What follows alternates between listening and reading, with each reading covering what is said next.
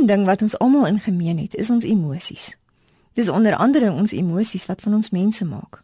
Sonder emosies sal ons robotte wees. Dis redelik voor die hand liggend dat God ons gemaak het om emosies te hê. Maar watter funksie sou emosies in ons dieper pad met God speel? Emosies is die seismograwe wat die trillings van ons binnewêreld optel.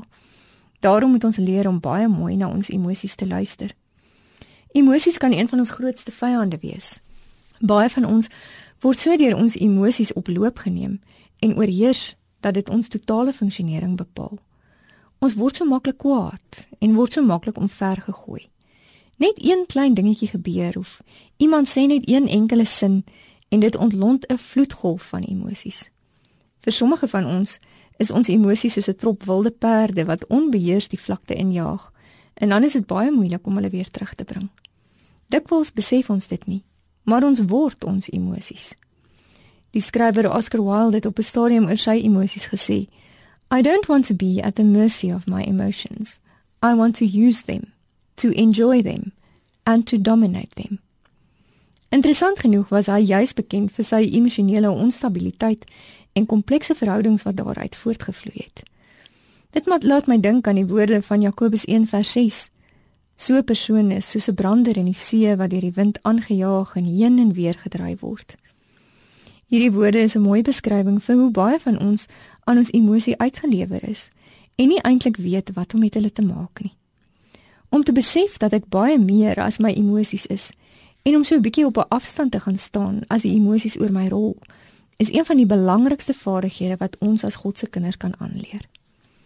Tog speel ons emosies ook 'n baie belangrike rol en daarom is emosies bepaald ook 'n gawe van God.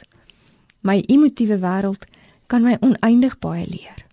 In plaas daarvan om bloot passief te ervaar hoe emosies my oorspoel, sou ek God kon toelaat om my emosies te gebruik om my te leer wat in my binnewêreld aangaan.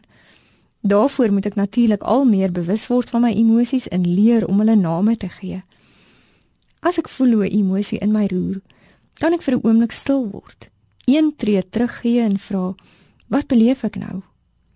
In God se hand word my emotiewe lewe 'n kragtige hulpmiddel wat God sou kon gebruik om my te lei op 'n dieper pad met hom.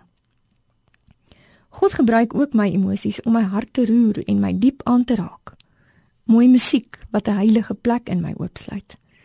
'n Beeld of foto of film wat my daarheen neem. Iets onverwags in die natuur wat my op 'n emotiewe vlak raak. Mooi woorde.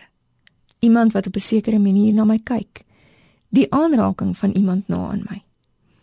Dalk moet ons meer bewus raak van dit wat ons harte roer, want daarsonder sluit ons op 'n emotiewe vlak af vir 'n dieper ervaring van God. In God se hand kan emosies sleutels wees tot 'n merkwaardige realiteit waarvan ek dalk voorheen onbewus was.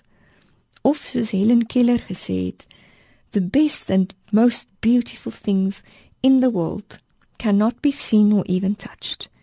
They must be felt with the heart.